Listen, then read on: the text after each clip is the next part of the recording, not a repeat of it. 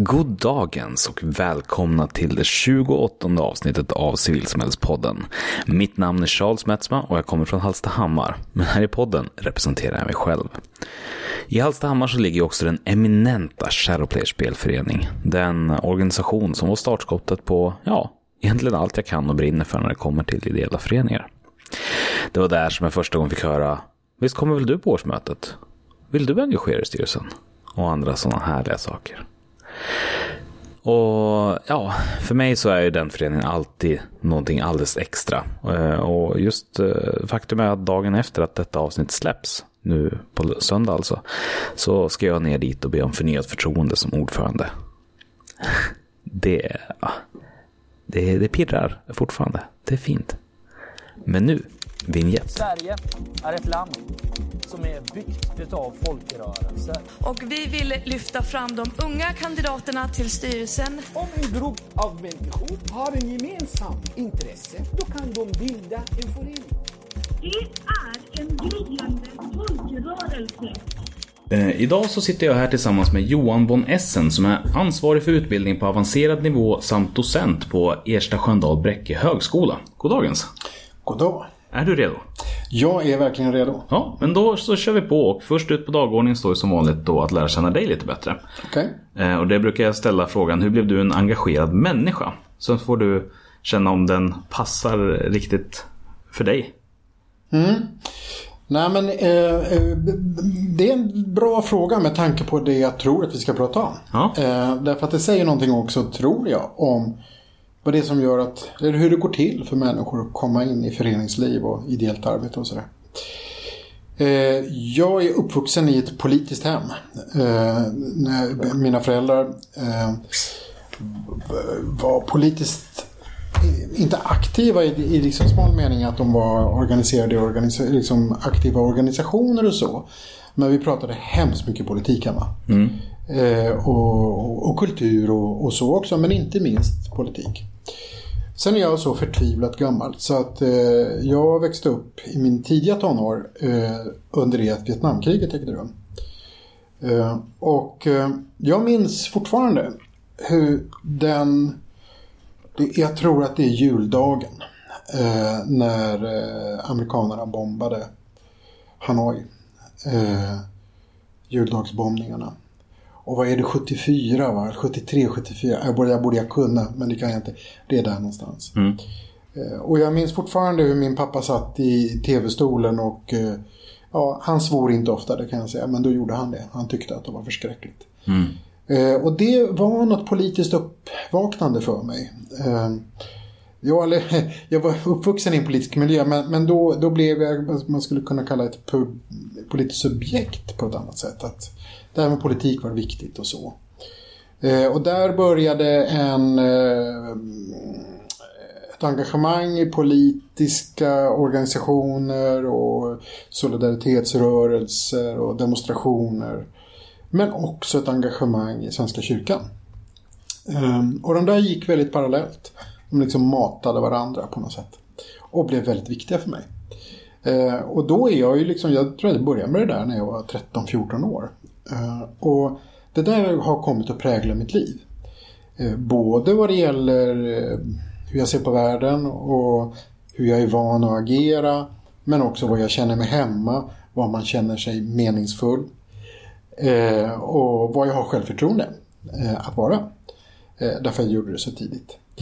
Eh, sen har det förändrats över livet och det har olika saker kommer att bli intressanta och, och, och så. Men det är nog där det börjar, det är inte bara nog, det är där det börjar.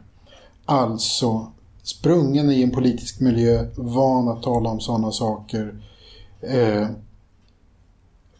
nära till de nätverk där jag kunde bli politiskt aktiv och en händelse som kom att engagera mig mycket. Så från den händelsen där du blev ett politiskt subjekt, Ja. då var liksom steget till att söka dig till organisationer eller så för att förvalta det inte långt. Nej, eh, det, och precis. Och det är jättebra att du ställer den frågan. Därför att dels handlar det ju om min egen uppväxtmiljö. Det vill säga att det här att prata politik och ta sådana stora ord i min mun. Det var jag van vid. Det var ingenting som jag, som jag var skyggade för. Eller, jag förstod att det var mitt språk. Eh, Och det var någonting jag fick ifrån min uppväxtmiljö. Men sen så växte jag upp i en kommun, där, eller, en, en förort i Stockholm, där, som var väldigt aktiv. Där det fanns mycket politiska organisationer. Det var lätt att hitta människor som var politiskt engagerade. På alla håll och kanter förstås. Men på den, på den kant jag var intresserad också. Ja. Hur gick det här då till den akademiska sidan sen? Jo, eh, åh, det blir en lång historia men jag ska försöka göra den kort.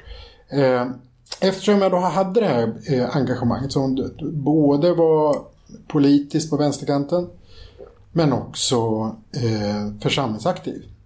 Eh, så jag var aktiv i en, i en av Svenska kyrkans församlingar och var ungdomsledare, konfirmandledare och, och sådär. Så eh, ville jag bli präst av politiska och religiösa skäl. För med mig var det ett sätt att arbeta på gatan, med, alltså på gatunivå om du förstår vad jag menar. Med andra människor för att försöka göra livet drägligt både materiellt politiskt men också andligt religiöst. Så det var liksom, det var det jag, det var min idé när jag kom till Uppsala för att bli präst. Och där blev jag handlöst förälskad i den akademiska teologin och eh, alltså universitetsteologin och filosofin. Det, var, det var som en lång kärlekshistoria som fortfarande varar stark. Ja, vad härligt. Eh, så att jag läste, läste min teolkan som man ska göra och gick på prakten eh, som man ska göra för att bli präst. Eh, och eh, någon vecka innan jag skulle prästvigas så, så gick jag till den biskop som inte veg mig men som fortfarande var biskop. Det var Christer Stendahl. Han hade ju varit professor på Harvard i 30 år. Eh, Så han, jag tänkte han var väl vettig och frågade och sa att ja men jag kom hit för att bli präst men nu liksom jag vill bara forska, jag tycker det är jättekul. Vad ska jag göra? Och då sa han, nej men gå du och prästvig dig och så jobbar du ett år som präst. Så vet du vad det var, så kan du skapa fred med det. Och sen så går du tillbaks till universitetet och, och, och gör det du vill. Eh, Jag blev kvar i 11 år. För jag tyckte att det var väldigt roligt. Ja. Eh, Men sen, men, men tanken på, eller längtan efter att få syssla med akademiskt arbete fanns kvar hela tiden. Så jag läste teoretisk filosofi under det att jag var församlingspräst och så. Och till slut så visste jag att nej, men jag skulle tillbaks. Jag hade bestämt mig för det. Så att, eh, då gick jag tillbaks till universitetet och så fick, ansökte jag om och fick en doktorandtjänst. Men då var det ju just engagemang jag ville skriva om. Som livsåskådningsvetare. Alltså, hur tänker människor kring sig själv som medborgare och om samhället, men också om politik, när man, blir, när man jobbar ideellt. Alltså när man blir en aktiv medborgare som det kallades i tidigare litteratur. Och, så där. och det var det jag skrev min avhandling om. Så det var precis så det blev. Det är jättespännande och nu så glider vi över på, på det som jag tänkte att vi skulle prata om idag. Eh, vilket jag har dubbat lite trubbigt till civilsamhället över tid. Okej? Men, men jag tänkte att vi kommer fokusera lite grann utifrån de områdena som du har tittat extra noga på. Eh, och om du går lite djupare då på de, olika bitarna du har studerat och skrivit om. Vad, vad har det varit för någonting? Ja, men det mest genomgående är ju det jag skriver en avhandling om och det jobbar jag väldigt mycket med nu då framförallt. Och det är engagemang i civilsamhället. Eller grövre men bättre uttryckt egentligen. Vad är det människor gör i civilsamhället och hur tänker de kring det? Ja. För man kan göra massa olika saker ju. Allt ifrån jobba ideellt eh, till att gå i demonstrationståg till att ge pengar till att påverka politiker och sådär. Så det finns ju ett spektra utav handlingar. Eh, och det jag har sysslat mycket med det är just ideellt arbete. Eh, men mitt intresse kring det är inte i första hand vad människor producerar utav liksom, sociala handlingar och sådär. Utan det är vad det betyder politiskt för dem. Och vad det betyder för deras sätt att se på sin roll i samhället. Eh, Så att, så att mitt, mitt perspektiv är framför allt på den handlande subjektet. Men jag är naturligtvis också intresserad av det ideella arbetets ställning i samhället. Det, det är klart, det är jätteintressant också. Mm. Så det, det är det, mitt genomgående tema. Och sen har jag också eh, gjort en del forskning på folkbildning. Eh, och för vi fick ett jättestort eh, forskningsanslag kring det och så fick jag privilegiet att få jobba med det. Och då blir det mer organisationer. Eh, så det, den forskningen kom mest att inriktas på organisationsnivå. Och det var en nyttig skola för mig. Så, så det har jag gjort. Har det varit stor skillnad på att titta på människor och på organisationer? Ja, jag tycker det är en stor skillnad. Alltså, Eh, utan att på något sätt värdera någonting, för det, ska man, det är bara dumt. Men, men för mig, för den person jag är, så handlande människor är, ligger mig närmare än organisationer. Men jag jobbar ju tillsammans med kollegor som är jätteduktiga organisationsforskare och det är kul att jobba med dem. Och, och det är roligt med organisationer också, absolut. Eh, verkligen så är det. Men för mig ligger det handlande subjektet närmare än organisationen. Mm. Och någonting mer som du har? Ja, och sen så, eh, det har jag inte gjort så mycket på, men, men jag tänkt desto mer kring det. Eh, Det är frågor kring tolerans och pluralism. Eh, och, och där har jag varit, jag skriver, jag har varit redaktör för en tidning, en gästredaktör för en tidning, en tidskrift om det. Jag har skrivit ett bokkapitel kring det, jag har hållit, gjort två större seminarier. Och jag ska faktiskt vara med på en paneldiskussion här nu i februari kring det också. Och det är frågan, eh, hur ska vi tänka kring pluralismen i civilsamhället? Hur ska vi se på konflikter i civilsamhället och vilken politisk mening kan de ha? Och bara för att då vara helt med, de begreppen tolerans och pluralism, vad betyder de i det här sammanhanget? Hur, hur gör... Civilsamhället består ju också av organisationer som är moraliskt och politiskt väldigt provokativa, provocerande. Eh, de kan vara religiöst provocerande också, oftast, men oftast är det ju politiskt. Då. Eh, och hur ska vi förhålla oss till det? Hur ska vi tänka kring att civilsamhället också innehåller rasistiska, misogyna, exkluderande och allmänt besvärliga organisationer. Ska vi förbjuda dem eller ska vi eh, förfölja dem eller ska vi prata med dem eller ska vi förtiga dem eller hur, hur gör vi med den där eh, hur gör vi med den där besvärliga pluralismen? Mm. Eh, och, och, det har ju med tolerans att göra. Alltså hur, hur, vad är tolerans och, och, vilken roll har det för oss? Och så det, det är det jag håller på en del med. Jag tycker det är väldigt, väldigt roligt. Det, det är ju väldigt stora frågor du har gett dig på. Alltså som är ganska svåra att definiera och koka ner. Känns det som. Liksom, Ja. Vad driver en människa? Visst. Hur ska vi hantera oliktänkande? Ja. Men det, det är ju som, jag, jag var i en betygskommitté i, i våras på en avhandling nere i Gent. Och ställde någon sån här fråga och så vände sig en av sociologerna till mig då. Duktig i Belgien sa att Ja, det är väl en typisk teologfråga. Jag får väl, bli, jag får väl vara min roll då. Ja. Som teolog och ställa de frågorna. Men om vi börjar i änden av eh, engagemang då.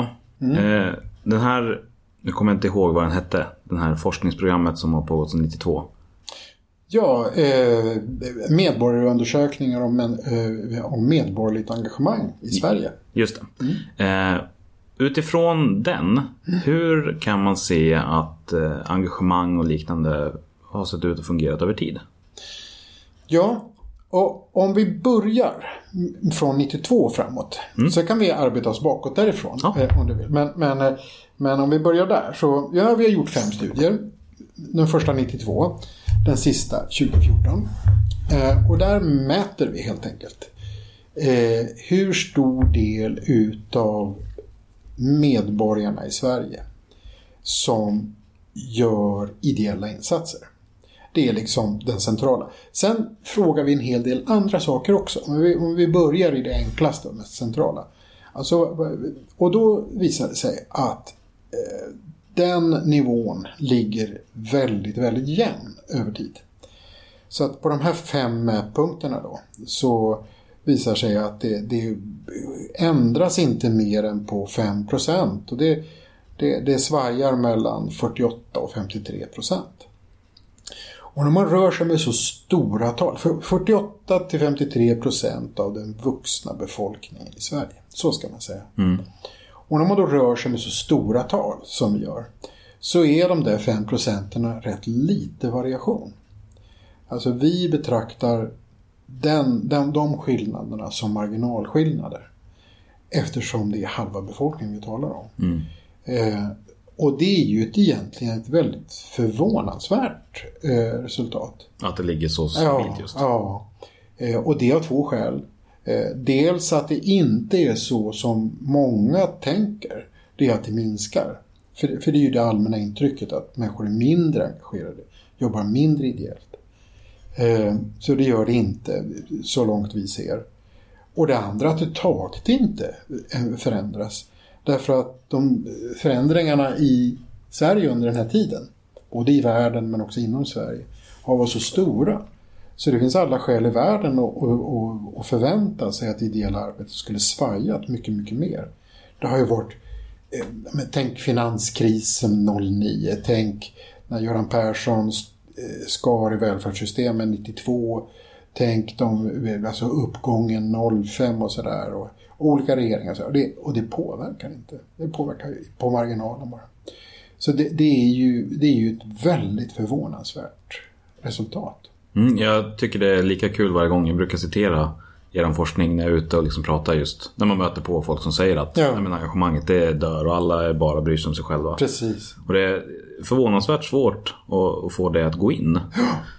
Möter du skepsis generellt sett mot Absolut. det resultatet? Absolut. Eh, det, det, gör det. Och, och den skepsisen är intressant och den är oroväckande. För eh, Det är klart att jag måste ju ta den skepsisen på stort allvar också. Därför att jag möter ju praktiker. Eh, och de sitter ju så att säga på facit. Det gör ju egentligen inte jag. Jo, vi gör det på befolkningsnivå, där sitter vi på facit. Men vi gör det ju inte i den prakti praktiska verkligheten. Och det är klart att det, om man börjar och säger någonting om det så är det klart att jag blir ju lite betänksam när så många säger samma sak och vi inte ser det i våra resultat. Och det vill jag gärna använda det här mediet och säga att vi tar till oss det. Alltså det är klart att vi funderar ju jättemycket på, alltså är vi fel ute? Mäter vi fel på något sätt? Är, vi, är det någonting vi inte ser eller liksom blir det tokigt? Vi tror inte det, därför att vi ser precis samma mönster i Norge och Danmark. Mm. Eh, för de gör liknande studier som vi. Och vi, kan, vi jobbar med norska, eh, norska och danska forskare nära och, och de har samma resultat. Så att vi tror ju att vi inte gör fel. Men det är klart att vi bryr oss om när människor säger att ja, men ni tokigt, liksom, det minskar ju sådär. Som hobbyintresserad så brukar jag driva tesen av att de, de organisationer som tappar i medlemskap eller liksom i engagemang eller upplever det eh, har ett större ansvar i det kanske. Alltså just det att det, när man har använt det som alltså samhället som en ursäkt att nej, men, det är samhället som går åt helvete, det är därför går vi eh, samma väg. Men att det är snarare så att man kanske har tappat perspektiv. Ja. Jag brukar lägga fram det i alla fall som ja. ett provocerande exempel. Ja, eh, jag tror att det finns någonting där. Mm. Eh, och det där får man ju prata försiktigt om när man är ute och träffar praktiker. För det blir ju så lätt från oben och elakt bara. Ja. Men jag tror att det finns någonting, det finns några, dels det du talar om. För ja, men tillspetsat formulerat. Ja, men det blir ju så. Alltså, därför att vi ser ju att det är inte så att alla organ, typer av organisationer är konstanta i civilsamhället. Vi ser ju att till exempel de klassiska folkrörelseorganisationerna som intresseorganisationer, fackföreningar, politiska partier och så eh, minskar, inte dramatiskt men under en följd av år så är minskningen systematisk. Mm. Så den ser vi ju. Medan andra organisationer, alltså organisationer mot eh, sociala insatser som Stadsmissionen, Röda Korset och så. Eh, där ökar ju, and, alltså ökar ju andelen av befolkningen som gör ideella insatser. Så att de liksom tar ut varandra på något sätt. Så att det är inte så att det ideella arbetet minskar menar vi då. Men däremot att insatserna omfördelas inom civilsamhället. Och då blir det ju precis som du säger att en del av våra organisationer är inte på...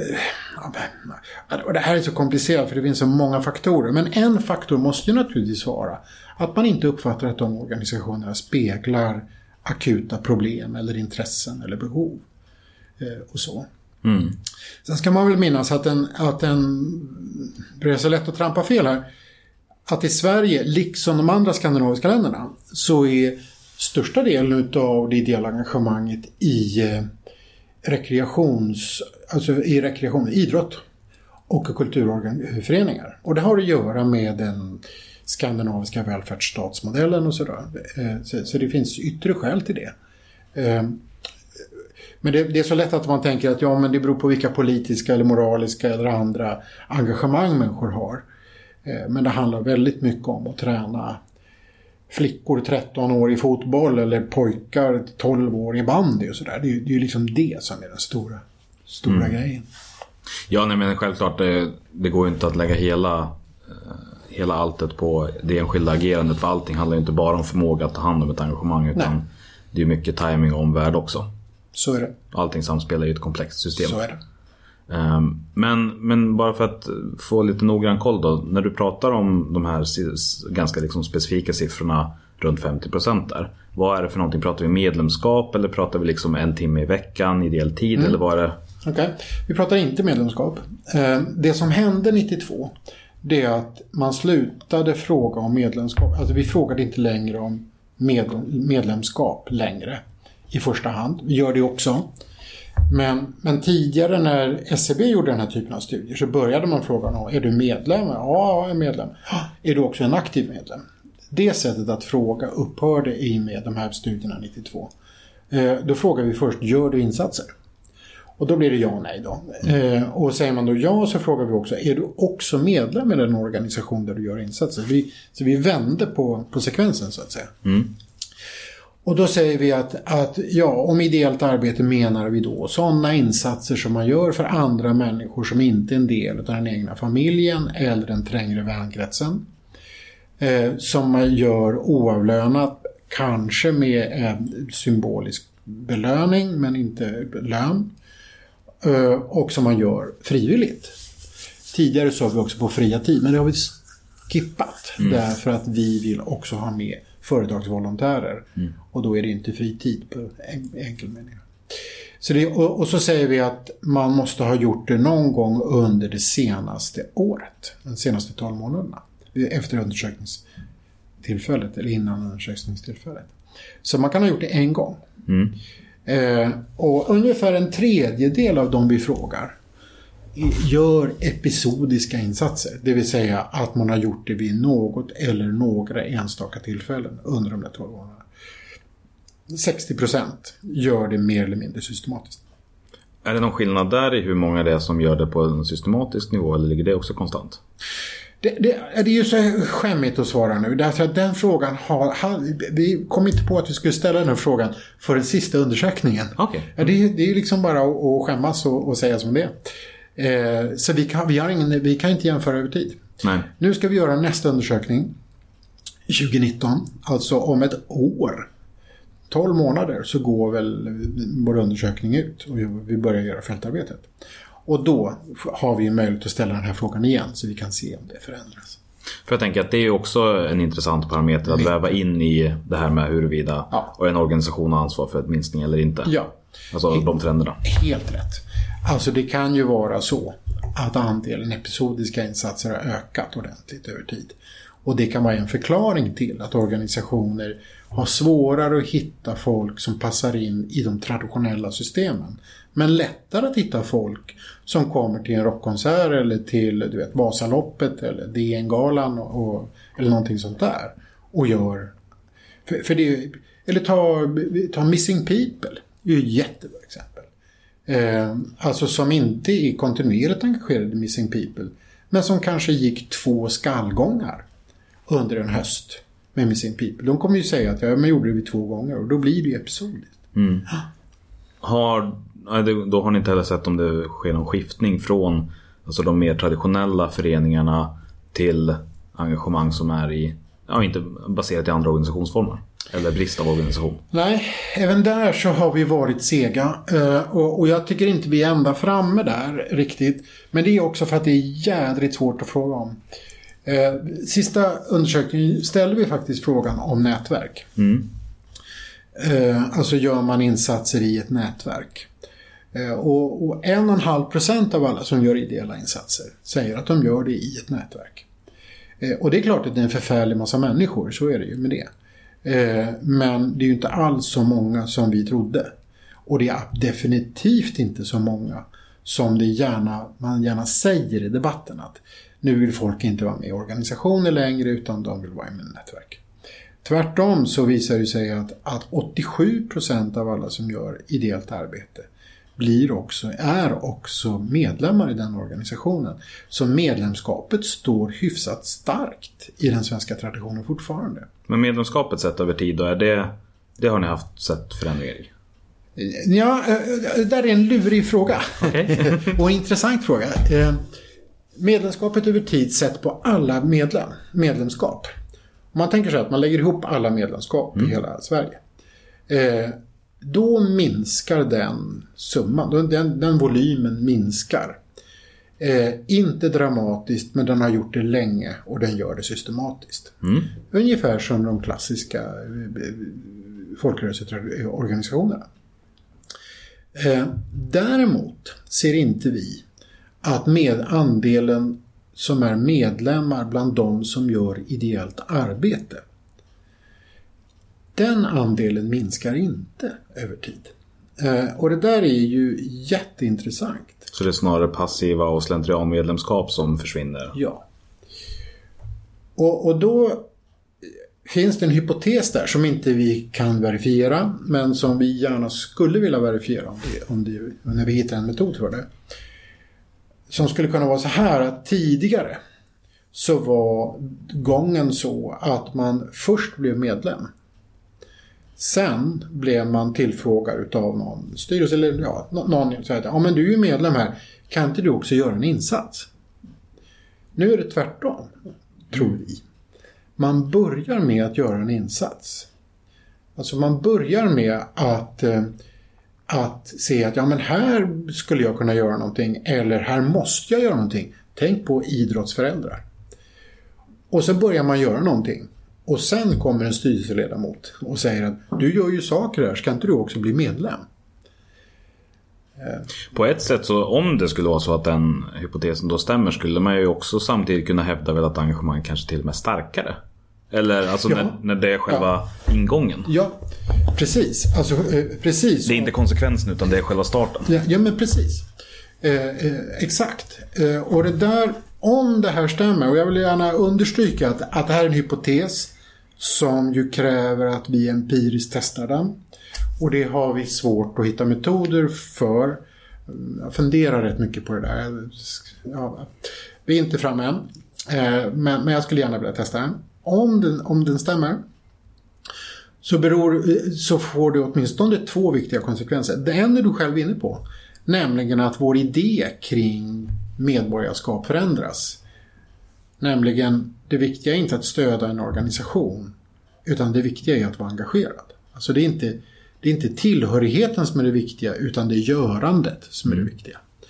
Eh, Och sen, sen är de som i den svenska traditionen så ihopkopplade. Eh, om inte annat därför att organisationer faktiskt, får ju faktiskt stöd. Statliga stöd beroende på medlemskap. Så att det finns ju ett intresse att människor blir medlemmar. Då. Det är det ena. Det andra djupare och som är ännu viktigare. Det är ju att i den, i den, socio, eh, säga, hmm, i den folkrörelsetradition som präglade, och det här är hela Skandinavien, det här är i Norge och Danmark också. Eh, så var det nog viktigt det där med medlemmarna. Eh, därför att de här organisationerna var också politiska subjekt. Det var också, det var också storheter i samhället som ägnade sig åt att föra människors talan och förändra samhället. Jättebra exempel är ju arbetarrörelsen eller, eller nykterhetsrörelsen eller kvinnorörelsen. Att själva medlemsantal var ett egen syfte i sig. Ja men precis, att det blev ju en star ett starkt politiskt subjekt då, för att använda det uttrycket igen. Eh, om det är så att vi nu snarare har att göra med individers handlande och organisationstillhörigheten kommer som ett kanske nödvändigt följd av det så förändras ju också organisationerna som politiska subjekt. Alltså den, den politiska landskapet i, i Sverige kan, i de här länderna då, det gäller både Norge, Danmark, Sverige, kan alltså förändras då. Människor kan inte på samma sätt, eller ser inte, kan kan de, men de ser inte på samma sätt att de kan agera via sina organisationer eftersom de agerar via sina insatser så att säga. Eh, Det är en jättestor förändring det på är samhällsnivå. en gigantisk Jag sitter och försöker liksom greppa den men det är ju... Det, det är en helt omstöpning av samhället. Eh, och, och nej, vi jobbar nu, vi jobbar ett stort projekt eh, faktiskt. Vi ska ge ut en bok. Eller, jag är med och skrivit ett kapitel i en bok som ska ges ut eh, utav eh, några av mina kollegor i Norge, Sverige, Danmark. Där vi lägger ihop alla våra data. Så vi kan se på ideellt medborgerligt engagemang i alla tre länderna. Eh, Eh, och då är en av de inblandade eh, professorerna där, han, han eh, är engagerad, väldigt engagerad precis i den här frågan. Han brukar alltid peka på den. Per Selle, den, förmodligen den bästa forskare vi har i Skandinavien, eh, brukar peka på det här och säga att vilken otroligt viktig politisk betydelse det här har. Och vilket brott det är med hela folkrörelsetraditionen. Men som sagt, det här är hypoteser och vi har inte testat dem. Och, eh, så det är lite svajigt, vi är ute på, på, på, på tunn is. Men eh, de är väl värda att, att undersöka. Så är det. Jo men samtidigt så känns det ju nu när jag bara spontant tänker att då finns det ändå visst understöd i, i händelse av att det här stämmer. Alltså just kring tanken eller varför känslan att nätverk är någonting viktigare när den liksom ideologiska skiftningen från att jag tillhör en organisation till jag bidrar med en insats. Precis. Det, där är en viktig iakttagelse tror jag. Alltså, egentligen är människor med i samma traditionella system som tidigare. Det är bara att de tolkar det på ett annat sätt. Och, och därför så tonar man ner organisationen som, som liksom den grundläggande enheten. Och tänker på människors handlingar eller mina närståendes handlingar som, som det viktiga. På något sätt. Jättespännande, det här går ju grotta hur mycket som helst i. Men om vi backar lite grann då. Du sa att vi börjar vid 92 framåt och sen backar vi bakåt. Om vi tittar lite längre bakåt, då vad ser vi för skillnader då? Ja, men då skulle jag vilja ta, eh, för att komma tillbaks där vi är idag, så sk- skulle jag gärna gå tillbaks till mitten av 1800-talet. Då. Eh, därför att där händer någonting viktigt. Och där, där tar ju det svenska moderna civilsamhället form. Eh, och man kan käfta hur länge man vill om när det där börjar. Jag brukar tänka att det börjar i revolutionsriksdagen 1909-1910. För att få någonstans, man kan inte liksom gå hur långt sen tillbaka som helst. Utan där någonstans tycker jag det är vettigt att börja. Det som händer då, det är ju att det svenska associationsväsendet tar fart. Och det har att göra dels med att vi har en liberalare la- lagstiftning, eh, alltså att man öppnar upp för andra organisationsformer än de, det feodala samhället. Men också urbanisering och industrialisering, alltså den sociala frågan. Fattiga människor flyttar in till städerna, lösgörs ur sina eh, agrara infattningar och ska... Agrara infattningar. Ja, alltså eh, om man bodde ute i en socken i en mindre by på Uppsala slätten så tog ju grannar, släktingar, familj, kyrka och i sista hand fattighuset hand om de fattiga och de sjuka. Och du var ett eget kluster eller? Ja, alltså det fanns ett system och det hade ju funnits under mycket, mycket lång tid. Där, där organiska relationer tog hand om dem som, som inte som behövde stöd. I och med industrialismen så upplöses ju det där. Och människor utan familjeorganisation, eller familjesläktskaps och grannrelationer samlas i Göteborg, Norrköping, Stockholm. Eh, och blir fattiga. Alltså den typen av fattigdom har ju inte funnits tidigare. Fattiga, det säger ju Jesus, de fattiga har ni alltid ibland er och det är en väldig visdom. Eh, men de har funnits på ett annat sätt och, och man har tagits hand på ett annat sätt. Nu, skapa, nu blir det då ett behov, man måste ta hand om de här. Dels därför att de höll på att svälta ihjäl av, av rent moraliska skäl, men det också var ju politiskt instabiliserande. Så att för att inte åstadkomma, man var ju rädd för 18, 1848 års revolutioner då, efter dem. Så, så man tog, då skapas borgerliga associationer. Och då kom det här som kallas för välgörenhetsarbete. Eh, och, och det där är viktigt, jag ska inte stanna där, men det där är en viktig. Därför att det är den som framför allt arbetarrörelsen reagerar på. Det här är ju, det här, det här är ju Rädda Rummet, det här är ju Strindberg. Eh, uppgörelsen med välgörenhetskärringarna och, och sådär. Eh, och man vill, man, och, eh, ska vi säga, välfärd var inte en gåva från den rike till den fattiga utan den fattiges rättighet. Det här är det stora skiftet. Så tidigare kom det liksom uppifrån och ner men blev nu... Ja, och en gåva, alltså en, du får det för att jag är så snäll. Och det, det arbetarrörelsen gör säger att nej, det här är en, det här är en medborgerlig rättighet. Bor man i det här landet så har man rätt till det här. Och det får vi åstadkomma genom att, med en progressiv lagstiftning och en, och en statlig socialvård och, och, och sådär. Och det sker ju framför allt från 30-talet framåt. Eh, och det betyder att det medborgerliga engagemanget förändras också i grunden. Ifrån att ha varit de borgerliga associationernas välgörenhetsinsatser så går det via socialdemokratins första revolutionära fas 1870 framåt där det vänder med skotten i Ådalen på 30-talet. Eh, och då när då socialdemokratin kommer till makten, vilket den gör från 30-talet och framåt och, och, och framförallt lyckas få bygga efter andra världskriget. Då var inte de sådär jädra sugna på att ha ett vildvuxet civilsamhälle med massa olika politiska eh, grupper utan av, av lätt insedda skäl. Men de, man ville ha ett medborgerligt engagemang. Och därför så stödde man idrottsrörelsen och man stödde kulturorganisationerna. Tänk hela, eh, hela folkbildningen till exempel. Så det Det är där allt det statliga stödet till civilsamhället växer fram. Precis. Och det är därför vi har en sån stark eh, koncentration på Alltså därför står liksom idrottsrörelsen så starkt fortfarande idag. Eh, och kulturföreningar. Eh, folkbildningen inte minst. För det är ju en medveten politik samtidigt som de sociala insatserna tas över av staten. Därför att man ville ha en statlig socialvård, en professionaliserad socialvård. Eftersom det var en medborgerlig rättighet. Eh, och sen, Ja, hela tanken om att gå in som garant för det och Ja se till så att alla får det. Ja, men Mm. precis. Och, det, var, och det, var, det här sker åtminstone på två nivåer. Dels att, att staten aktivt går, ner, går in och, och tar över och konkurrerar ut och med lagstiftning ser till att det blir svårt för de organisationerna att, att driva.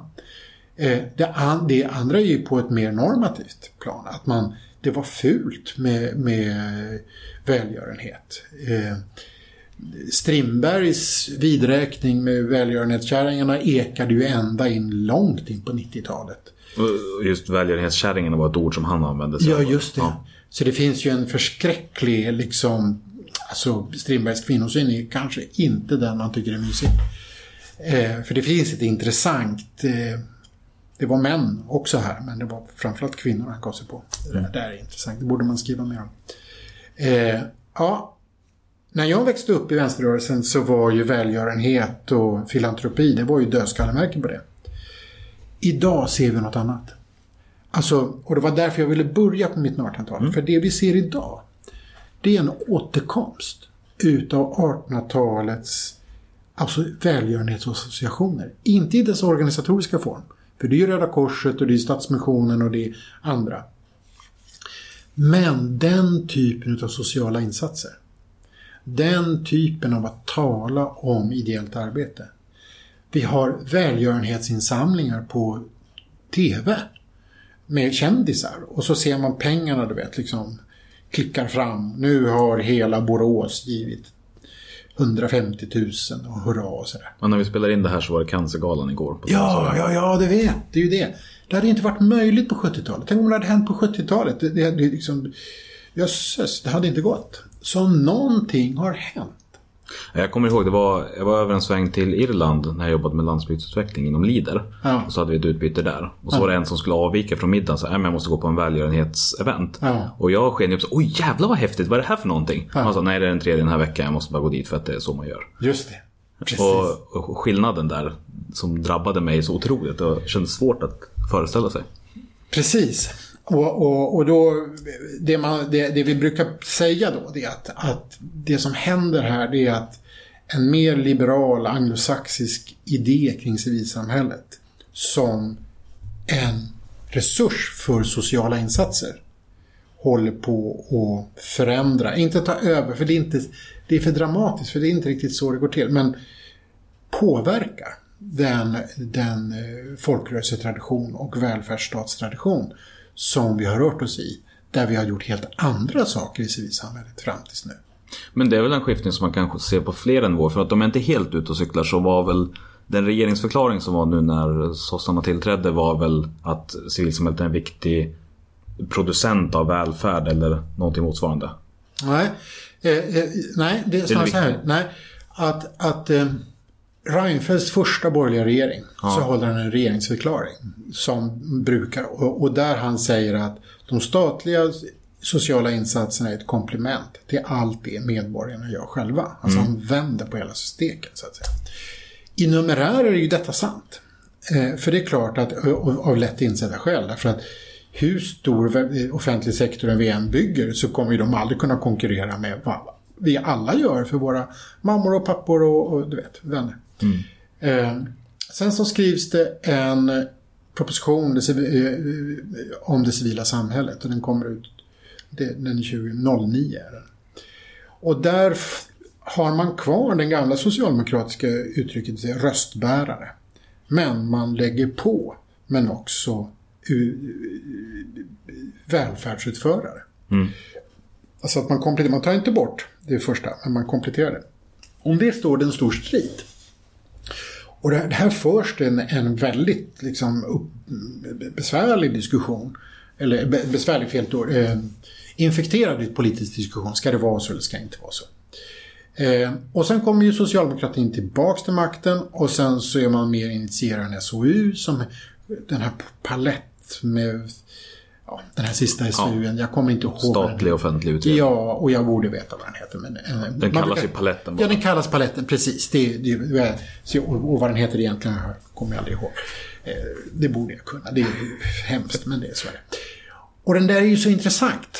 För jag plöjde mig faktiskt igenom den där. Och, och då handlar den ju om ja, en mycket stor del, säg två tredjedelar ungefär, handlar, ju, eller kan, det är väl mer än så, men en, en, den absoluta majoriteten handlar ju om det här att upprätta liksom, det röstbärande och problematisera välfärdsutförandet och sådär. Man tar ju spjärn mot den tidigare borgerliga politiken.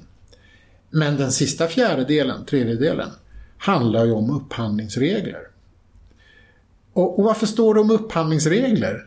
Jo, det vet vi ju alla. Det är ju därför att vi har ideella organisationer som sysslar på, med välfärds, välfärdsinsatser som har problem därför att de är tvungna att eh, konkurrera med ja, eh, kommersiella välfärdsaktörer. Så att hela den där delen är ju egentligen bara ett accepterande av att en massa ideella organisationer faktiskt sysslar med, sociala insatser. Så det finns ju någon dubbelhet i den där SOUn. Att å ena sidan säga att nej men det här har med demokrati och representation och identitet att göra. Ja, gärna. Visst, jo men det är bra. Men en stor del handlar ju faktiskt om att det andra också finns. Ja, men bara skiftet mellan folkrörelse och civilsamhälle är ju Ja, en jätteviktig skillnad. Det, det, det är en förfärligt viktig, bara i språkbruket. Det var ju en stor strid kring det också. Men det var ju någonting som jag reflekterade ganska mycket över när jag döpte det här. Men eh, kände att det var lättare att bara haka på det som är det nya begreppet än att eh, ta strid. Just det. Jag, jag tycker att civilsamhälle är ett bättre begrepp. Eh, men, men det är ju inte så att det är antingen eller. Utan jag tänker mig att civilsamhället är en, en samhällelig arena där det i Sverige är så att folkrörelserna är en otroligt viktig del. Alltså ser man förbi folkrörelserna då, då, då, är, det, då, då är man ju blind eller då är man ohistorisk eller sådär. Okej, så att det liksom har blivit en slags taxonomisk eller en hierarkisk uppdelning där civilsamhälle är någonting övergripande och folkrörelse är en del av det. Precis. Så att, så att liksom bråka om det ska vara det ena eller andra är någon slags kategorimisstag. Det, det, det, eh, och, och poängen har med pluralismen att göra faktiskt. Därför att så länge vi pratar om folkrörelser, så vad, vad refererar egentligen folkrörelser till? Jo, de refererar ju till ett antal empiriskt återgivningsbara, alltså rörelser i, i rummet och tiden som vi kan empiriskt peka på. Miljörörelsen, arbetarrörelsen, nykterhetsrörelsen.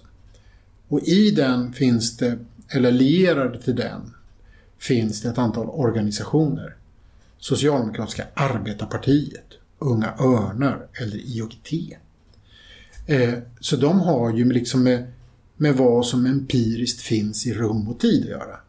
Civilsamhälle är ju en begreppsliggörande av samhället. Där vi säger att för att vi ska begripa de här skillnaderna i samhället, för att vi ska fatta, för att vi ska komma till rätta med att det är någon skillnad mellan, vad ska vi säga, Volleybollförbundet och Bänkes bil och plåt. Det verkar inte bara skillnad därför att de heter olika utan det finns någon annan skillnad. Då säger vi att de här organisationerna hör till en egen social arena. Eh, det vill säga civilsamhället. På samma sätt som man säger att Bänkens bil och plåt tillhör näringslivet eller företagssektorn. Eh, ja, och, och då blir det ju inte konstigt. Och, och då öppnar man ju upp den här arenan på ett sätt. Som att säga att här kan det finnas andra organisationer som inte passar in i folkrörelserna.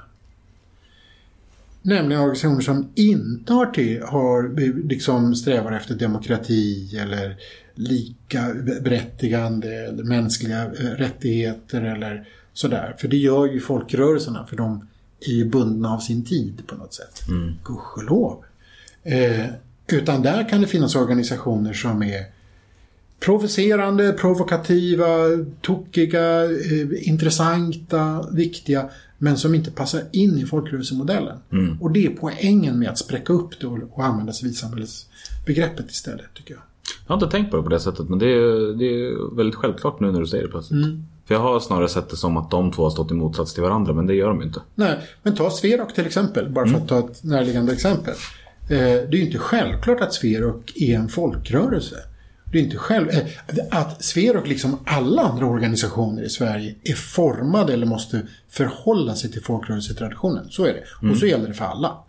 Eh, Men det är inte självklart att Sverok är en folkrörelse. Eh, Och, och skulle vi då använda folkrörelse, vad hamnar Sverok då? Är det en del av det eller inte en del av det? Eh, Eller är det något som står i motsats till? Ja men precis. Det, det- blir ju krångligt då. Så då är det bättre... Så att i och med att civilsamhället är en mer abstrakta arena så att säga. Som tillåter en större variation.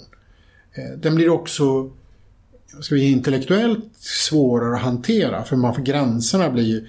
Folkrörelserna är ju lätt att sätta gränser för. Man förstår vad socialdemokratin är och inte är. Men vad är civilsamhället och vad är inte civilsamhället? Ja, det är en mycket, mycket svårare fråga förstås. Och det är ju en av de problemen med begreppen helt klart. Men så fanns det ju striden då som var på 90-talet, tidigt 90-tal. Det, rörde ju, det, det var ju framförallt att man tyckte att civilsamhället, man menade då att civilsamhället var ett liberalt begrepp. Och att med civilsamhället kom en liberal idéströmning in i Sverige. Det är ju sant och inte sant. Eh, ja, många av dem, men inte alla, som förespråkade civilsamhällesbegreppet var ju den på den politiska högen och hade en liberal agenda. Det finns också definitivt liberala rötter till civilsamhällesbegreppet.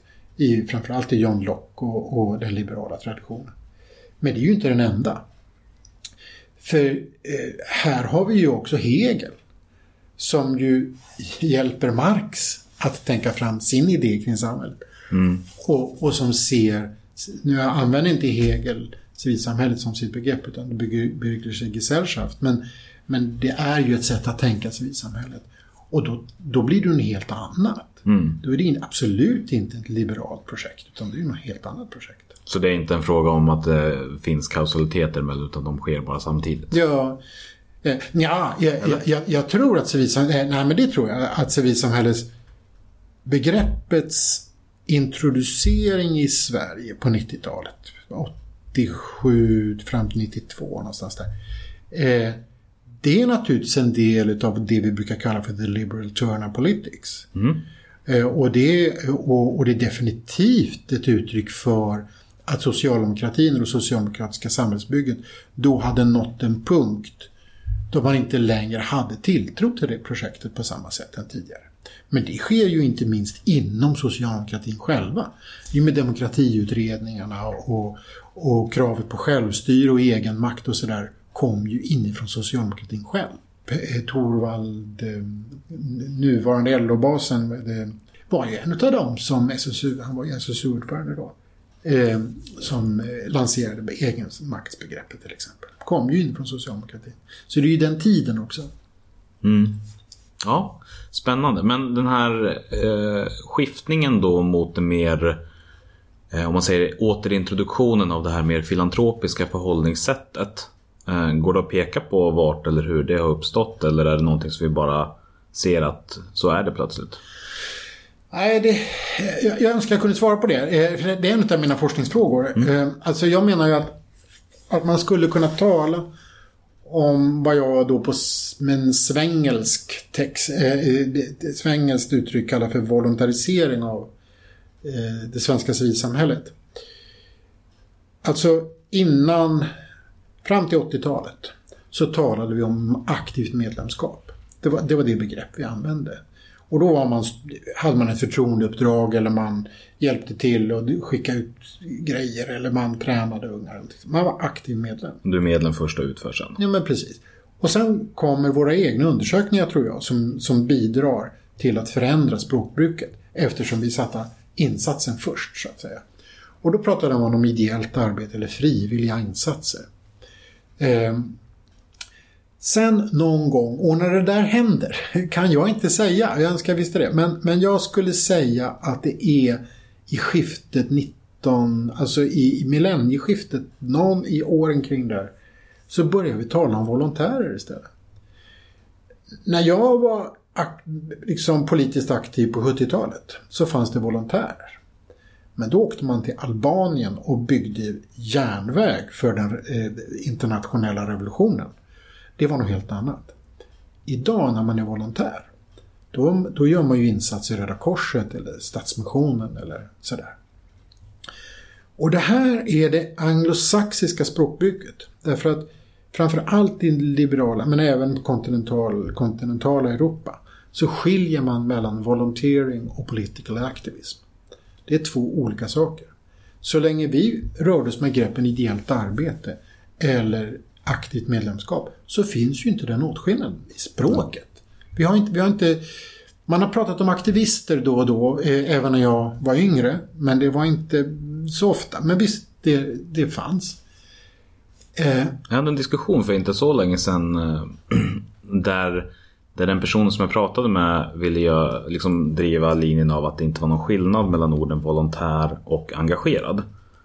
Men, men utifrån det du säger här nu så låter det som att jag hade rätt när jag sa att det faktiskt inte var alls samma sak. Jag, jag tror ju inte det. Och, och, och, och här gäller det ju att vara jättenoga att det, det finns naturligtvis en förfärlig massa människor som heter olika saker och som gör saker. Som skulle säga att ja, men jag menar samma sak med båda. Och, och det ju- kan ju vara absolut sant. Men eh, dels så när vi gör volontärinsatser så tror jag att det inte är särskilt ofta vi menar till exempel att sitta i en styrelse eller göra styrelseuppdrag förtroendevald. Jag tror att det är inte så ofta vi menar det. Utan när vi gör volontärinsatser så menar vi att göra saker för andra. Det finns en begränsning i periodicitet och eh, i liksom längd. Ja, och i typ av insatser. Mm. Det är inte relaterat på samma sätt till att hålla den egna organisationen uppe. Det kan naturligtvis vara så. så det, det här är inte frågan om logiska gränser utan hur språk används. Och då rör vi oss med flytande gränser förstås. Ja, men jag väljer att tolka det som att jag hade rätt. Jag tror att du har det. Ja. Eh, och, och, och jag skulle säga att en bidragande orsak, inte, inte den grundläggande, det tror jag inte, men en bidragande orsak det är att eh, tidigt 2000-tal så uppstår ju volontärbyrån. Och, och då har du namnet där. Volontär finns där. Eh, det, och den fick ju ett väldigt genomslag. Och vad, och vad gör volontärbyrån? Jo, den matchmakar ju mellan individer och engagemang. Inte mellan individer och organisationer. Utan med individer och engagemang. Just det, den insatsen som Ja. ska... Sen är det sant, och det här har jag pratat med volontärbyrån om så mycket, både under vänligt och kanske mer upphetsat med dem. Eh, och de har ju rätt i det. Att de flesta som gör kommer att göra insatser via volontärbyrån blir medlemmar och gör det definitivt i en organisation. Och det, det är ju helt sant. För, för det, det, så är det, därför att så är den svenska traditionen. Det finns, inte, det finns men inte så många insatser som är frikopplade från organisationer. Eh, men det är fortfarande så att volontärbyrån pekar på en viss typ av insats. Skulle du vilja hjälpa äldre? Skulle du vilja hjälpa ensamkommande? Skulle du vilja vara, eh, göra en insats på DN-galan? Man frågar inte vill du, bli, vill du vara en del av Röda Korset? Utan det är ju aktiviteten. Vill du vara en del av den här rörelsen som Ja, har precis. ett ideologiskt övergripande mål? precis. Eh, och, och jag lägger inga värderingar eller liksom moral i det där. Så det, inte, det finns ingen undertext utav fördömande utan bara ett konstaterande. Att det blir en analytisk skift där. Mm. Eh, så att jag tror att det är det vi håller på att se. Men vi har ju många stora, alltså det som du var inne på också, till exempel det här med givande överhuvudtaget som inte är ett bidragande till en organisation utan till en insats. Ja. Tittar man på Musikhjälpen så är det varje år ett tema att nu hjälper vi den här typen av grej. Ja. Du ger inte liksom inte eh, ett stöd, ett ekonomiskt stöd till en organisation som har ett övergripande mål om att göra världen bra. På det sätt som är möjligt för tillfället. Om vi, om vi säger att medlemsavgift inte är en typ av donation. Och där, där finns det ju en debatt hur man ska se på det där. Eh, Men, men räknar man bort medlemsavgifterna då så nej, men då är det så som du säger. Ja, men jag ser inte medlemsavgiften på samma sätt som eftersom att den eh, Ja, nej, jag, jag ser i alla fall en stor skillnad mellan en medlemsavgift och en eh, donation. Jag också, jag delar den. Mm. Jag, jag, jag håller med dig, jag, jag ser det likadant. Men jag vet i, Mm. i, det här, i det samtal jag har med mina kollegor. Mm, ja, Då, då, finns det där, då finns den här debatten. Hur ska man se på det där? Och det finns olika uppfattningar. ja, men det är väl klart att man kan driva den linjen också. Eftersom att det ändå är en transaktion som sker. Ja, precis. Eh, ja, jag hade ju tänkt att vi skulle hinna prata lite grann om, eh, om de andra bitarna som du har tittat på också. Framförallt så var jag intresserad av toleransen, men nu börjar tiden ta slut. Ja. Men jag tänker, eh, har du ändå någonting utifrån det, så, eftersom att du har tänkt mycket på det. Så jag vill i alla fall höra det, så då tänker jag att då får det bli ett lite längre avsnitt helt enkelt. Om du vill säga någonting om, om tolerans och pluralism också, och vad du har tänkt och vad du har kommit fram till. Ja, Men kan vi säga någonting, paketera det lite sådär effektivt. Eh, ett skäl till att jag är intresserad av ideellt arbete i civilsamhället, det har just med den, liksom den politiska och normativa pluralismen. Nämligen att vi har organisationer som spretar åt alla olika håll vad det gäller ideologiskt politiskt. I den svenska folkrörelsetraditionen så finns det ju en mycket bestämd, liksom finns det ju en, liksom, en viss typ av organisationer. Man är demokratisk och man har ett inkluderande medlemskap och man kämpar för rättigheter och det är ju, det är ju folkrörelserna som eh, introducerar demokratin i Sverige faktiskt och så där. Eh, och vilket har gjort i Sverige att det är det vi ser. Det vill säga att vara, att vara en del av civilsamhället, det är att vara god och vilja göra rätt och, och kämpa för demokrati. Och det är ju i någon empirisk mening också sant, för att de flesta är naturligtvis, och de, de som är dominanta, står ju för det och, och bidrar till det. Så är det. Men där finns också en massa andra organisationer som sticker av och inte alls passar in i det här. Och det är ju så där, just därför att det är civilsamhället. Därför att här har människor möjlighet att utifrån helt andra idéer om världen och sig själva säga ja men vi tror ju så här.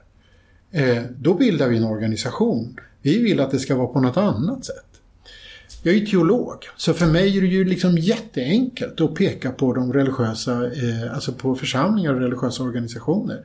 Varvid en del håller sig med teologier och trosföreställningar som mycket kraftfullt kan jag avslöja avviker ifrån vår sekulära, demokratiska, egalitära föreställningsvärld. Utan där det är så att den som inte tror på Gud, den hamnar tyvärr i helvetet. Och, och ska man vara en, en människa som ska kunna leva på ett anständigt sätt så får man minsann och göra saker eller ja. Eh, Och oavsett vad man tycker om de värderingarna så är det lätt att förstå också hur, hur det är rätt utifrån den sinnebilden. Ja, men precis. Och det är ju bara i civilsamhället de här ryms. För de kan naturligtvis inte och bör inte rymmas inom statsförvaltningen. Och gudskelov så gör vi inte företag av dem. Utan att här, här, här, här samlas människor för att tycka det här. Och en del av dem blir ju väldigt provocerande för vår omgivning. Och så har det alltid varit. Tänk eh, Maranata till exempel. När jag växte upp. Arne Imsen och Maranata. Det är en referens som jag inte plockar. Nej, eh, och det var en evangelikal rörelse. Den finns fortfarande. Eh, eh, En evangelikal rörelse på 60-70-talet. Som hade väckelsemöten och utmanade det sekulära Sverige. Och, och folk var upprörda och sådär.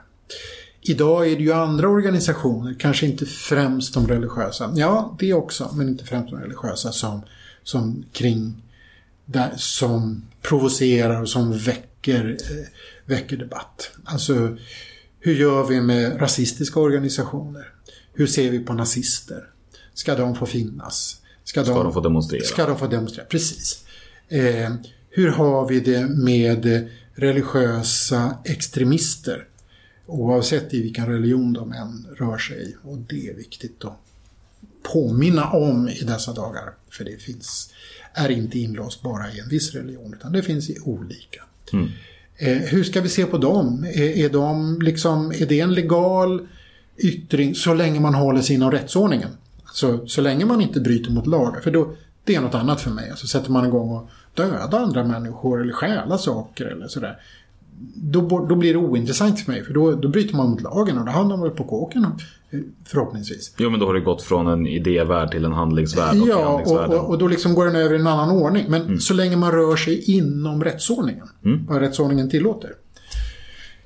Eh, ja, då, då, då är ju min mening då. Och, och, och det här vet ju lika bra som jag att, att om detta står det ju en väldigt liksom infekterad debatt idag. Alltså, men jag menar att en poäng med civilsamhället är att alla dessa organisationer faktiskt får finnas där. Och att de faktiskt får höras. Eh, jag har väldigt svårt att se poängen med att inte låta dem höras. Eh, utan snarare så är jag rädd för ett samhälle som gettoiseras. Alltså, man skjuter ut en del organisationer i periferin och säger att Nej, men till er når inte eh, toleransen. Utan vi kan inte förbjuda er som människor. Det, vi kan liksom inte... Ja, ni får ju finnas då. Vi kan inte börja liksom systematiskt avrätta. Nej, eller spärra in dem eller, eller sådär. För det sker ju då. Utan det, det får ni bli Men ni får inte en del av offentligheten. Ni får inte finnas i offentligheten. Ni får inte vara i Almedalen eller ni får inte vara på bokmässor eller ni får inte uppträda i, hålla föreläsningar i religiösa sammanhang eller vad det nu kan vara. Utan vi, vi, vi placerar er i någon slags tyst zon. Och, och, och, och, jag kan inte se poängen med det. det, det eh, för det skapar en gettoisering. Det är ju snarare att bjuda människor på... Gettoisering på samma sätt som ett mer modernt ord vore en filterbubbla. Ja, ja precis. Ja. Precis. Alltså, så, för så tror jag det blev med en del av våra evangelikala eh, frikyrkorörelser i det sekulära Sverige som jag växte upp i. Där man sa att nej, vi är sekulära, vi vill inte ha med er att göra, men så länge ni befinner er i era församlingshus eller i era väckelsetält så är det okej. Okay då, då, ni får hållas där liksom. Så, vilket ju bara gjorde att de här vansinniga föreställningsvärldarna och tokiga teologin och bedrövliga församlingsföreskrifterna kunde ju bara bli liksom fördjupas och bekräftas i en trång krets. Ja, som med isolationen så kom ja, det som fördjupning. Vad som borde skett det är att man sa det är klart ni ska vara med i det offentliga samhället och vi kommer att ge oss på er. Alltså vi kommer inte låta er vara i fred. Vi kommer ifrågasätta vad ni håller på med. Eh, och det ska man naturligtvis göra med de här rörelserna också. Så jag menar inte att tolerans, för, för mig är tolerans ett väldigt konfliktfyllt tillstånd. Mm. Alltså vi tolererar ju bara det vi ogillar. Alltså, vi, alltså jag, jag, tolererar jordgubbstårta, är något konstigt. Då tror man att man har någon sjukdom, att ja, du gillar inte grädde eller någonting sånt där. Alltså vi tolererar ju bara undertexten i tolerans. Det är att det finns en konflikt. Just det. Jag, jag håller inte med men du får finnas. Ja, jag tolererar det. Precis. Ja, och det betyder ju att tolerera någonting betyder att, att, att, att erkänna den konfliktfyllda andra. Mm. Du finns i min värld. Jag ogillar det du gör och står för.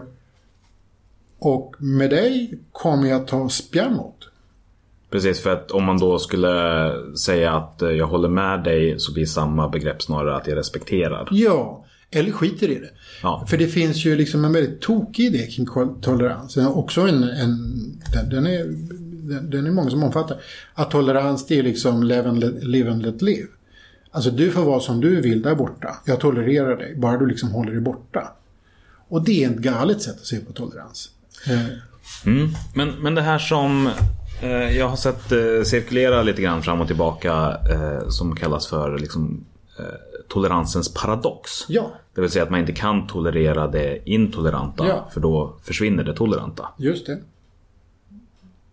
Vad tänker du där? Nej men jag, jag, jag, alltså det finns ju en väldigt kritik mot det. Eh, och jag sympatiserar ju med den. Eh, alltså, eh, det blir något konstigt när vi säger att vi ska vara toleranta och för att vi ska vara toleranta så måste vi vara intoleranta mot någonting då. Återigen är det viktigt att påminna sig om att där har ingenting med rättsordningen att göra. Det är klart att vi måste kunna diskutera vad är det för, vad är det för handlingar vi kan acceptera innanför rättsordningen. Eh, det betyder alltså inte någon slapp idé om att folk ska kunna hota varandra hur de vill. Till exempel. Absolut inte. Definitivt inte. Men då är det också frikopplat från en organisation eller en ideologi om man bara ser till den handlingen. Ja, finns precis. skillnad. Eh, Alltså, låt säga att vi har nazister som ägnar sig åt att hota andra människor. Ja, då hoppas jag att polisen är där och lyfter in dem omedelbart och eh, ser till att inte det sker. Men då tänker du att det är baserat på hotet, inte baserat på tanken. Nej, just det, precis. Alltså, då begår man en olaglig handling och det ska beivras omedelbart förstås. Ja, precis. Det spelar ingen roll hur hotet är motiverat eller uppkommet utan hotet i sig är... Nej, och, och, nej, men jag menar nog att det ligger någonting i hatbrott till exempel. Att, eh, att man säger att ja, men om människor hotar eller begår brott av, med, med hatkaraktär så finns det skäl att öka straffsatsen. Det, Jo, men då är det ju fortfarande inom rättsordningen så som Ja, det ser ut. precis. Precis så. Eh, men att säga att eh, för, det, för det är ju så kritiken har levererats. Man har sagt att ja, men de liberala västliga demokratierna säger att de är toleranta. Och så får man må- måste man förhålla sig till andra traditioner eller religiösa uttryck som innehåller konfliktsituationer med den liberala eh, demokratin. Och då blir plötsligt den liberala teologin intolerant och det är toleransens paradox. Eh, och jag håller med om det. Det är tokigt. Eh, utan så länge vi rör oss inom det vi har kommit överens om är lagligt. Då bör vi också tolerera det som finns där. Men samtidigt som, jag- tänker att den paradoxen blir mindre om man ser just toleransbegreppet som alltså någonting som per definition måste vara en konflikt. Just det. För då blir det ju inte den frågan om att liksom, ja, mm. Nej, och, precis. Och, och det där ledet hoppar vi ofta över. Alltså vi säger att ja, men om vi tolererar någonting så betyder det också att vi har gett någon slags frisedel eller okej eller sådär. För mig är det tvärtom. När jag säger att jag, att jag tolererar att vi har religiösa extremister och nazister i våra civilsamhälle så, betyder, så skulle jag lika kunna gärna säga att de finns där och med dem har jag en konflikt. Mm. Och det har jag definitivt. Och, och jag tycker att civilsamhället eller andra delar av civilsamhället bör föra den konflikten. Det är ju en aktiv konflikt. Det är en viktig konflikt som ska föras. Men, men om man då rullar tillbaka till det exemplet som, som var där just med nazister till exempel. Mm. Om det står en person som fullt ut erkänner jag är nazist och jag står för den nazistiska ideologin. Mm. Så innebär ju också närvaron i det offentliga rummet, alltså den blotta närvaron, även om den inte går över laggränsen så innebär ju den alltså en väldigt tydlig hotbild mot exempelvis de människorna som nazismen säger sig stå Mm. i motsats till, till den nivån att man vill liksom avrätta dem. Ja, just det. Och den situationen hade vi ju i Almedalen. Eh, Det var ju en, det var ju en faktisk realitet. Eh, och, och,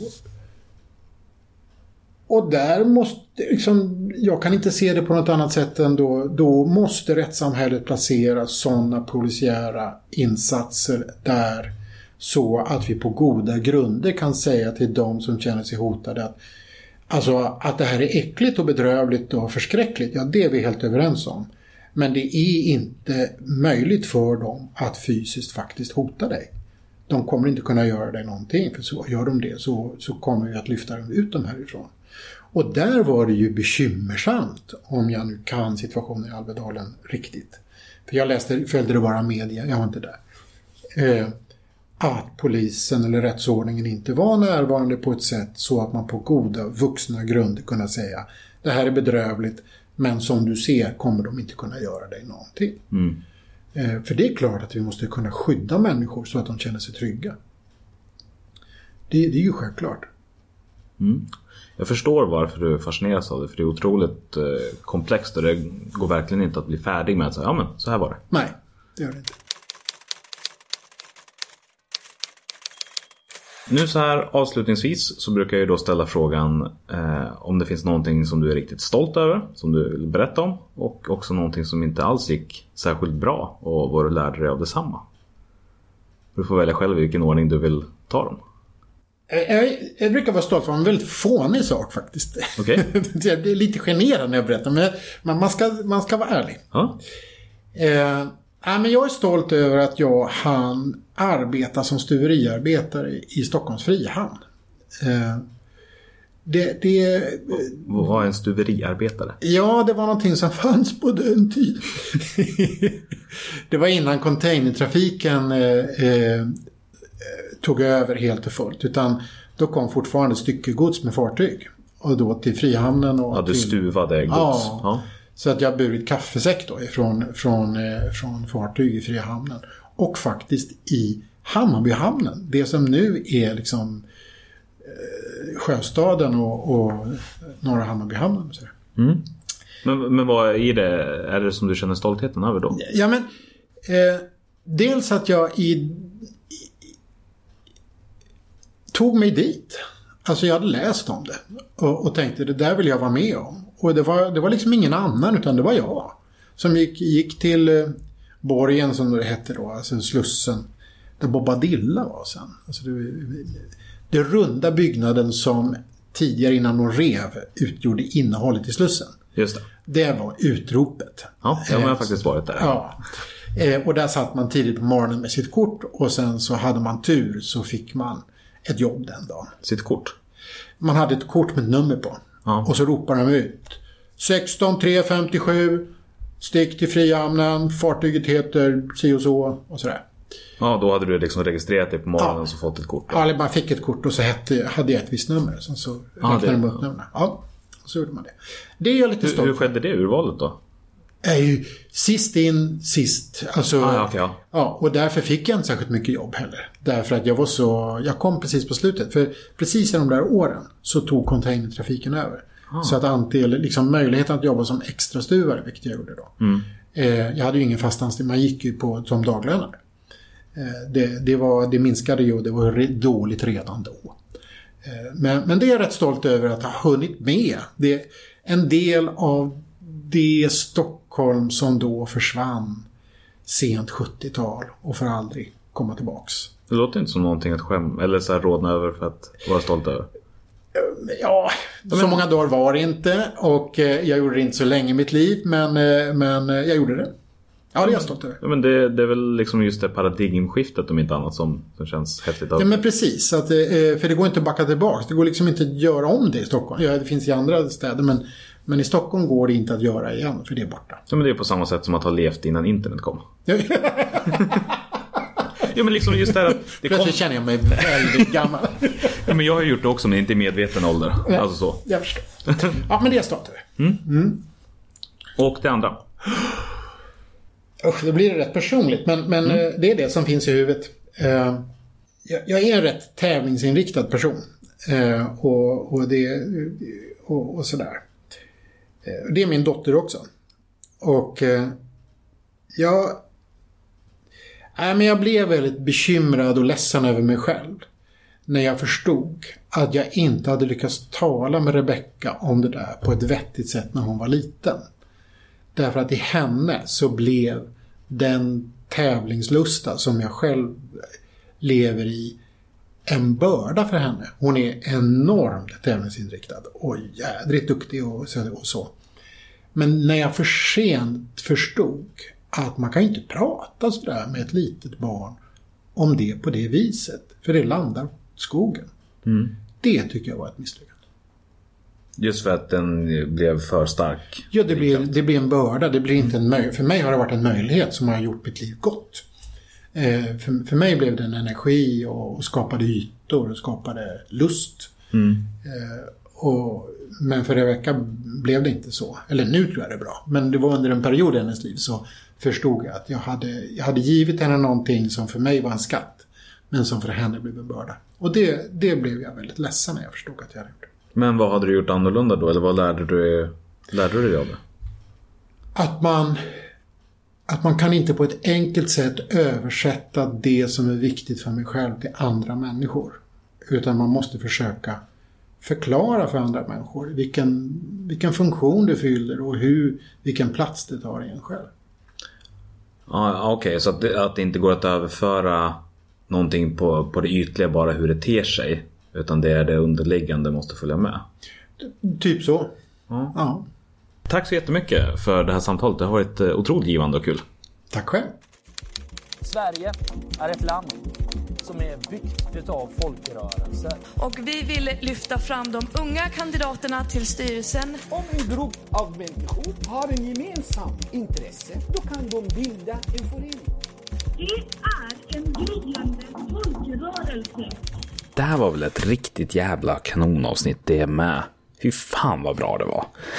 Oh, jag blir så inspirerad av att prata med så mycket fantastiska människor. Den här efterpratan vill jag egentligen börja med en efterlysning. Det är nämligen så att en av de sakerna som jag har funderat allra mest på, föreläst allra mest om och egentligen ägnat störst tid åt i hela mitt ideella liv åt att förstå är ju just engagemang. Och jag skulle vilja ägna ett avsnitt åt engagemanget i det lilla. För kontrasten är så stor mellan forskningen som säger att människor, engagemang och medlemskap står sig över tid. Men många engagerade människor som jag möter, framförallt på lokal nivå, säger att engagemanget i det lokala och nära är borta. Ingen vill sitta i styrelse, ingen vill göra den där extra grejen på lördag och så vidare. Eller köra utan att få någonting tillbaka. Och senast i förra veckan så satt jag på middag där jag råkade slänga ur mig på samma plumpa sätt som här i avsnittet att engagemanget är inte alls döende. Det frodas ju, statistiken talar sitt till språk. Men det hela blev ju nästan som en förolämpning mot personen som mycket kände sig som den sista martyren i en döende förening. Så jag letar efter någon som har erfarenhet av och kan prata om lyckat arbete kring engagemang i det lokala. Jag vill bubbla med de som kan möta mig i min historia om Shadowplayers på den tiden när vi bara var 17 medlemmar och hade en styrelse på 7 personer och fortfarande hade konkurrensval. Där liksom engagemanget eh, relativt sett var löjligt högt under en period och fortfarande är väldigt högt. Eh, bara det att vi är många fler medlemmar idag. Helt enkelt så skulle jag vilja göra ett avsnitt som går att skicka som en pepphälsning till alla de stackarna som känner sig uppgivna, svikna och ensamma. Ett avsnitt som kan agera lykta i en väldigt mörk natt.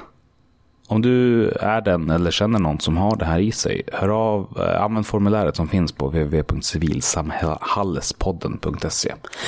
Jag säger det igen för att jag snubblade. www.civilsamhallespodden.se. Andra som vill vara med är förstås varmt välkomna att höra av sig också. Har du en idé som så är det säkert intressant att lyssna på. För det är så ofta jag träffar människor fortfarande som uttrycker ah, jag vet ju inte om det som jag tänker platsar eller om jag är tillräckligt bra. Men du har fel. Jättefel. Tänker du så, så, så kommer du med stor sannolikhet att vara precis rätt person som jag vill träffa och prata om. Hör av dig så kan jag absolut hjälpa dig att hitta just din grej, för du har en grej. Som en sista grej så vill jag också säga att en ny liten filur har dykt upp i shoppen eh, på printmotor.com sivsampodd. Eh, det här är då den lilla butiken som jag öppnat och börjat sälja saker för att finansiera den här podden. Inom kort kommer jag till exempel att åka upp till Stockholm för att spela in fler avsnitt och ja, i runda slängar kommer väl det kosta mig runt ja, 600 kronor i rena utgifter då utöver tiden. Eh, och skulle det vara så att du gärna vill bidra men inte vill köpa saker så kan du förstås swisha en slant också. Numret ligger i avsnittsbeskrivningen. Allt det här är förstås frivilligt och jag uppskattar allt jag får. Eh, det betyder så otroligt mycket. Det är jättesvårt för mig att ens be om pengar. Jag tycker ja, men det är så fånig situation, det är så löjligt och jag hoppas att det någon gång ska kännas normalt och rimligt. För att jag tycker ju liksom att det jag gör är bra. Men att eh, att någon sen ska betala för, ja, nej. Jag har en knepig relation till det här med att ta betalt för saker. Nyligen så gjorde jag en rapport Eh, jag ska nog inte gå in på vilka, men jag gjorde ett rapportarbete. Eh, och för det så tog jag 2000 kronor betalt. Och en annan person som, som, eh, som jag visade det hela för sa att hade det varit den här omfattningen, den här kvaliteten och jag hade gjort det så hade det kostat 50 000 kronor. Så jag har lite grann av ett problem kring det här. Men vart var jag nu svamlade iväg? Eh, jo, vill du inte köpa saker så får du gärna swisha också. Allt det här är frivilligt och jag uppskattar allt jag får eh, och jag älskar dig även om du inte ger. Eh, men till er som redan efter förra avsnittets uppmaning både köpte eller swishade, tack som fan. Eh, och jag gillar speciellt dig som inte bara drog iväg en summa på måfå utan gav två kronor per avsnitt som du har lyssnat på. Jag vet inte varför, men jag tyckte det bara var en fin tanke. Och sist absolut sist, tack till Facebookgruppen DS engagerade, för ni är så jävla fina. Hör av dig, så hörs vi igen om två veckor.